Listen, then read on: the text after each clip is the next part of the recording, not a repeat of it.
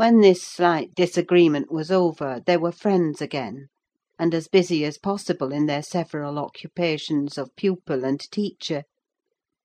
I came in to sit with them after I had done my work, and I felt so soothed and comforted to watch them, that I did not notice how time got on. You know, they both appeared, in a measure, my children. I had long been proud of one, and now I was sure the other would be a source of equal satisfaction. His honest, warm, and intelligent nature shook off rapidly the clouds of ignorance and degradation in which it had been bred; and Catherine's sincere commendations acted as a spur to his industry. His brightening mind brightened his features, and added spirit and nobility to their aspect. I could hardly fancy it the same individual I had beheld on the day I discovered my little lady at Wuthering Heights, after her expedition to the crags. While I admired and they laboured, dusk drew on, and with it returned the master. He came upon us quite unexpectedly, entering by the front way, and had a full view of the whole three ere we could raise our heads to glance at him. Well, I reflected, there was never a pleasanter or more harmless sight, and it will be a burning shame to scold them. The red firelight glowed on their two bonny heads, and revealed their faces animated with the eager interest of children; for though he was twenty‐three and she eighteen, each had so much of novelty to feel and learn, that neither experienced nor evinced the sentiments of sober, disenchanted maturity. They lifted their eyes together to encounter Mr. Heathcliff.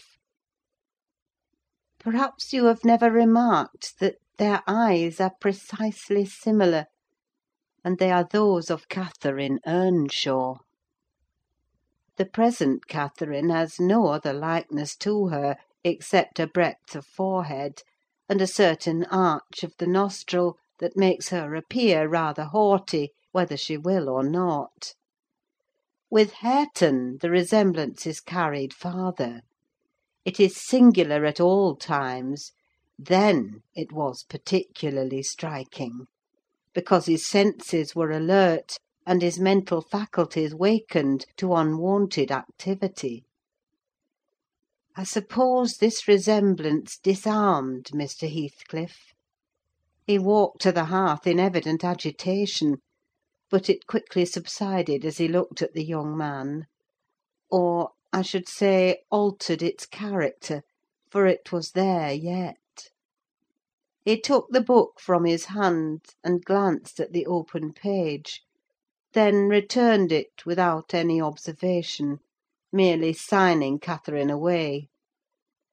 Her companion lingered very little behind her, and I was about to depart also, but he bid me sit still. "It is a poor conclusion, is it not?" he observed, having brooded awhile on the scene he had just witnessed. "An absurd termination to my violent exertions. I get levers and mattocks to demolish the two houses, and train myself to be capable of working like Hercules; and when everything is ready, and in my power, I find the will to lift a slate off either roof has vanished. My old enemies have not beaten me: now would be the precise time to revenge myself on their representatives. I could do it, and none could hinder me. But where is the use? I don't care for striking. I can't take the trouble to raise my hand. That sounds as if I had been labouring the whole time, only to exhibit a fine trait of magnanimity: it is far from being the case. I have lost the faculty of enjoying their destruction. and I am too idle to destroy for nothing. Nelly, there is a strange change approaching. I'm in its shadow at present. I take so little interest in my daily life that I hardly remember to eat and drink. Those two who have left the room are the only objects which retain a distinct material appearance to me; and that appearance causes me pain amounting to agony. About her I won't speak, and I don't desire to think but I earnestly wish she were invisible. Her presence invokes only maddening sensations. He moves me differently; and yet, if I could do it without seeming insane, I'd never see him again. You'll perhaps think me rather inclined to become so," he added, making an effort to smile if I try to describe the thousand forms of past associations and ideas he awakens or embodies. But you'll not talk of what I tell you; and my mind is so eternally secluded in itself, it is tempting, at last, to turn it out to another. Five minutes ago Hareton seemed a personification of my youth, not a human being. I felt to him in such a variety of ways, that it would have been impossible to have accosted him rationally. In the first place, his startling likeness to Catherine connected him fearfully with her. That, however, which you may suppose the most potent to arrest my imagination, is actually the least. For what is not connected with her to me? and what does not recall her? I cannot look down to this floor, but her features are shaped in the flags. In every cloud, in every tree, filling the air at night, and caught by glimpses in every object by day, I am surrounded with her image. The most ordinary faces of men and women, my own features, mock me with a resemblance. The entire world is a dreadful collection of memoranda that she did exist and that I have lost her. Well, Hareton's aspect was the ghost of my immortal love, of my wild endeavours to hold my right, my degradation, my pride, my happiness, and my anguish. But it is frenzy to repeat these thoughts to you: only it will let you know why, with a reluctance to be always alone, his society is no benefit; rather an aggravation of the constant torment I suffer. And it partly contributes to render me regardless how he and his cousin go on together. I can give them no attention any more." "But what do you mean by a change, Mr. Heathcliff?" I said, alarmed at his manner. Though he was neither in danger of losing his senses nor dying, according to my judgment, he was quite strong and healthy; and as to his reason, from childhood he had a delight in dwelling on dark things, and entertaining odd fancies.